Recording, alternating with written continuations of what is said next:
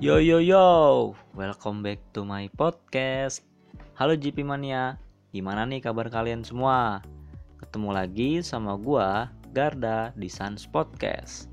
Podcast santai and seru, ngobrolin olahraga yang pastinya seru dan menarik. Nah, tapi dalam episode kali ini kita bakalan kedatangan tamu nih GP Mania, yaitu Kak Mustika. Nah, Kak Mustika ini suka banget nih sama yang namanya MotoGP. Bahkan Kamustika ini selalu nonton di setiap pertandingan MotoGP 2020 ini loh. Makanya di episode kali ini gua undang dia dalam Sans Podcast buat berbincang-bincang sedikit sama Kamustika tentang MotoGP. Penasaran kan gimana serunya perbincangan tentang MotoGP di episode kali ini sama Kamustika? Nah, walaupun di kala pandemi kayak gini, gua sih yakin pasti lu semua pada bosen kan di rumah terus kagak ada kerjaan, lontang-lantung sana kemari. Nah, daripada mondar-mandir nggak jelas, mendingan lu semua rebahan di kasur sambil dengerin perbincangan podcast gua sama kamu Stika. Langsung aja yuk kita panggil kamu Stikanya. Halo kamu Stika, selamat datang di Sans Podcast. Gimana nih kabar kamu Stika sendiri? Alhamdulillah baik, sangat sehat. Wih, alhamdulillah ya dalam keadaan sehat walafiat kamu Stika. Oh iya, By the way, aku sengaja loh mau ngundang kamu Stika ke sini buat nemenin aku berbincang-bincang mengenai MotoGP 2020 ini. Nah, kakak kan seorang yang seneng banget nih sama MotoGP dan juga selalu mencari informasi-informasi menarik di internet tentang perkembangan MotoGP. Betul kan kak? Oh iya, betul banget. Gue sering googling uh, kalau nggak searching di internet tentang info-info menarik yang ada di MotoGP dan juga di setiap pertandingan MotoGP gue selalu nonton tuh pastinya nggak pernah ketinggalan sama yang namanya pertandingan MotoGP baik dari segi kualifikasi maupun race langsung. Wah gila sih ini mah kamu Stika MotoGP adik banget. Nah kalau boleh tahu nih kak siapa sih pemain MotoGP yang kamu Stika ini paling banget sukain gitu? Kalau itu sih udah pasti ya Mark Marquez dong karena gue bener-bener karena gue bener-bener ngefans banget sama dia dari MotoGP yang dulu sampai sekarang. Oh gitu ya. Nah kebetulan banget nih kamu Stika ngefans banget sama si Marquez kan. Nah boleh diceritain sedikit nggak sih ke GP Mania gimana perkembangan Marquez dari tahun ke tahun sampai dengan sekarang ini? Oh boleh banget dong, tapi sejarahnya yang ingat aja ya, soalnya kalau dari awal banget kurang tahu juga sih. Jadi, awalnya di 2013 ia dipastikan akan membela tim Repsol Honda bersama Dani Pedrosa untuk tahun 2013 hingga 2015 dengan perpanjangan opsi kontrak 2016 menggantikan Casey Stoner yang pensiun di akhir musim 2012. Pada tahun pertamanya di MotoGP, Marquez telah memenangkan 6 perlombaan, 6 kali podium kedua, dan empat kali podium ketiga, cukup untuk dirinya menjadi juara dunia pada tahun 2013. Kemudian, pada tahun 2014, kehebatan Marquez terbukti dengan memenangkan 13 dari 18 balapan, serta dengan 13 pole position. Dengan kemenangan itu, Marquez dapat mengunci gelar juara dunianya di sirkuit Motegi Jepang. Sayangnya, Marquez tidak dapat mempertahankan gelar juara dunianya pada tahun 2015. Dia hanya dapat memenangkan 5 perlombaan dan 6 kali gagal finish akibat terjatuh. Pada tahun 2016, ia mengubah gaya balapnya dan terbukti konsistensinya dapat membawa Marquez meraih gelar juara dunia yang ketiga. Dengan memenangkan 5 balapan, 3 kali podium kedua, dan 3 kali podium ketiga, Marquez dapat mengunci gelar juara dunianya di sirkuit Motegi Jepang. Dan sekaligus karena duo Yamaha Valentino Rossi dan George Lorenzo terjatuh yang membuat Marquez meraih titel kelimanya di semua kelas semakin mudah. Pada tahun 2017, Maverick Vinales berlabuh dari tim Suzuki X-Star ke tim Movistar Yamaha. Dia digadang-gadangkan akan menjadi pesaing terberat Marquez dalam perebutan juara dunia. Tetapi, pada akhirnya, Andrea Dovizioso lah yang menjadi pesaing Marquez. Pada gelar balapan terakhir MotoGP musim 2017 di Valencia, Marquez dan Dovizioso terpisahkan oleh selisih 21 poin.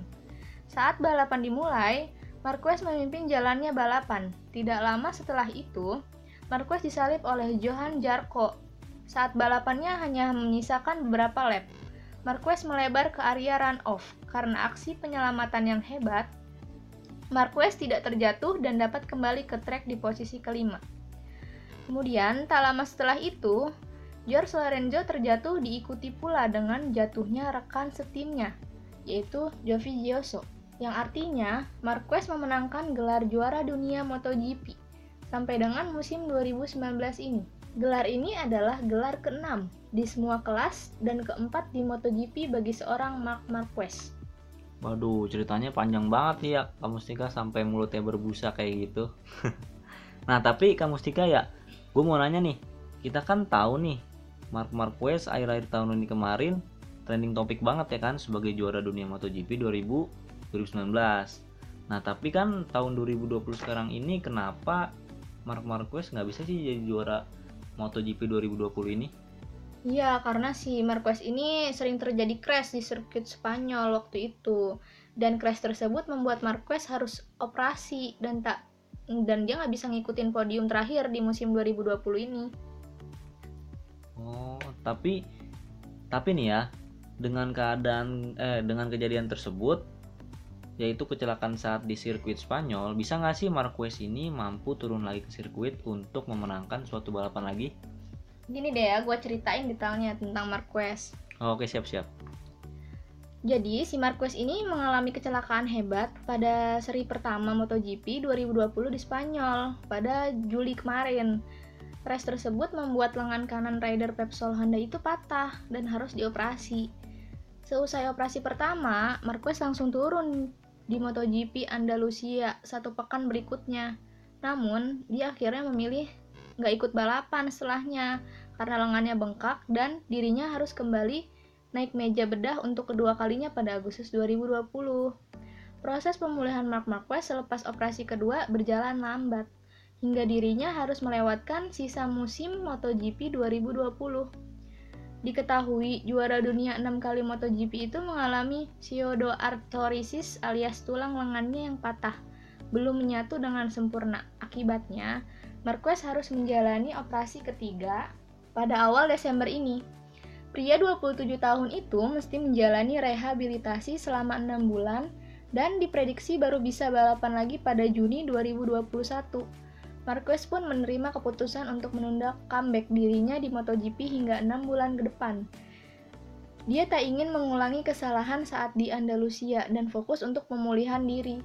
Marquez bahkan berjanji akan tetap menampilkan gaya agresifnya di lintasan apabila dirinya sudah sembuh 100%. Pria Spanyol itu mengaku nggak kapok ngambil resiko besar saat memacu motornya demi memenangkan perlombaan. Oh, jadi sebenarnya Marquez tuh punya janji besar ya buat dunia kalau misalkan dia bakalan comeback lagi di MotoGP selanjutnya. Tapi setelah kejadian yang dialami Marquez sekarang, akankah Marquez sulit untuk menjadi top lagi nih di MotoGP 2021 mendatang? Kalau nggak salah ya, menurut yang gue baca sih katanya Marquez susah untuk menjadi top lagi karena dia sudah menghabiskan setahun tanpa menyentuh motornya dan kalaupun dia bisa kembali, dia sudah pasti tidak tidak bisa dalam ke keadaan kondisi optimal. Kemudian dengan kondisi MotoGP yang sekarang, dia sangat sedikit menunggangi motor. Padahal dia sangat membutuhkannya agar bisa kembali kompetitif di sirkuit nanti. Wah, wah, wah. Sebagai penggemar Marquez, gimana nih kamu perasaan kamu Stika sendiri menceritakan hal tersebut? Sedih banget sih pastinya kalau dia nggak bisa jadi top lagi di MotoGP 2021 dan harusnya si Marquez tuh belajar dari kesalahan agar kesalahan tersebut tidak terulang lagi di MotoGP 2021 nanti. Oh iya sih bener juga kak. Oh iya terus nasib Honda itu sendiri gimana tuh kak? Gimana langkah selanjutnya si Marquez sama si Honda tersebut? Jadi Mark Marquez ini dia sudah mengaku kalau dirinya bersalah. Dia bertindak gegabah. Yang masih dinantikan adalah bagaimana timnya Repsol Honda harus melangkah kesalahan dirinya itu, sebagaimana diakui Mark Marquez, adalah langkah gegabah yang sudah ia lakukan di MotoGP 2020. Itu karena ia mau buru-buru balik ke lintasan dan balapan lagi. padahal baru saja menjalani operasi. Mark Marquez praktis memang absen di sepanjang musim balapan 2020. Ia crash di Jerez pada seri pertama, MotoGP Spanyol. Tapi udah berambisi tampil pada seri berikutnya di MotoGP Andalusia.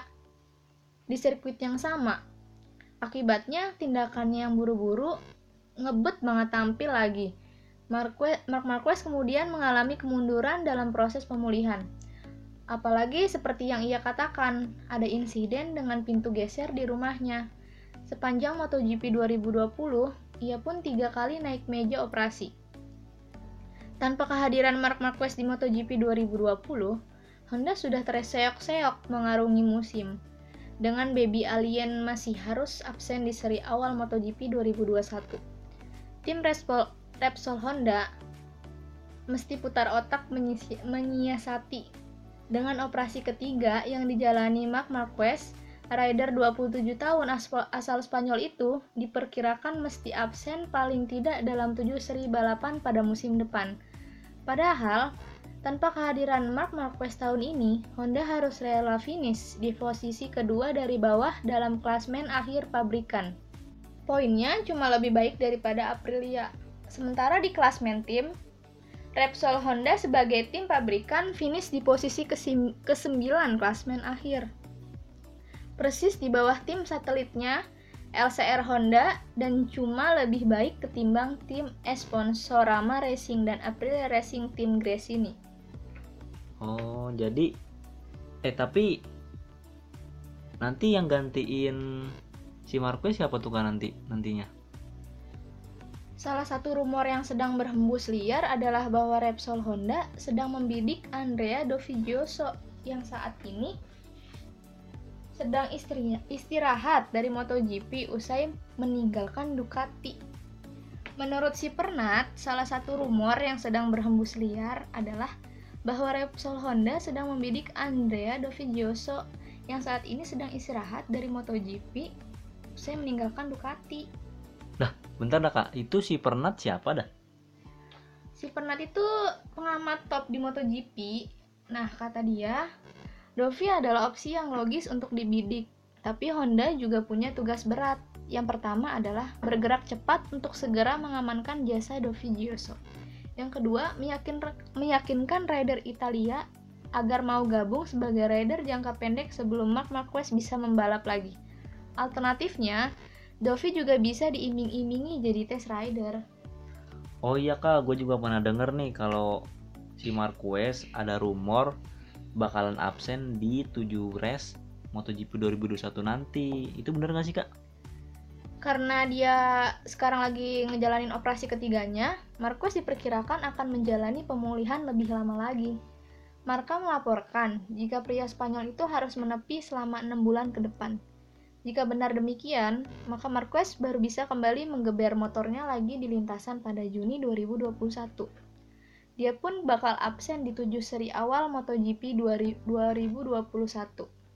Berdasarkan jadwal sementara MotoGP 2021 yang dirilis Dorna, MotoGP musim depan mulai digeber pada 28 Maret 2021 di Qatar.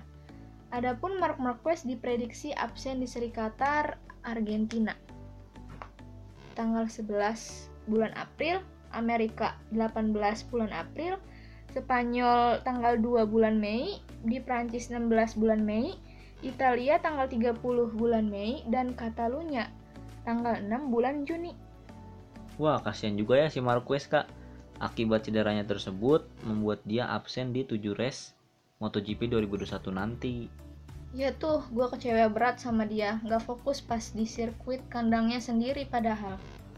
Wah, gak kerasa nih GP Mania, kita udah banyak berbincang dengan Kamu Stika terkait dengan si Marquez. Kita juga banyak banget dapet wawasan menarik nih dari Kamu Stika, udah cerita panjang lebar kan dia GP Mania. Seneng banget nih pastinya GP Mania udah kedatangan tamu spesial di Suns Podcast ini. Nanti kapan-kapan boleh kali nih kak kita bisa berbincang lagi. Oh bisa banget dong, siap kapan aja. Apalagi datang ke Sense Podcast ini rasanya nggak mau pulang nih. Ah bisa aja nih kamu Mustika. Makasih banyak ya kak udah mau datang ke Sans Podcast nemenin gua ngobrolin tentang si Marquez. Oke, sama-sama Sans Podcast. Nah, jadi gitu ya JP Mania, sedikit perbincangan tentang si Marquez ini bersama Kamu Mustika.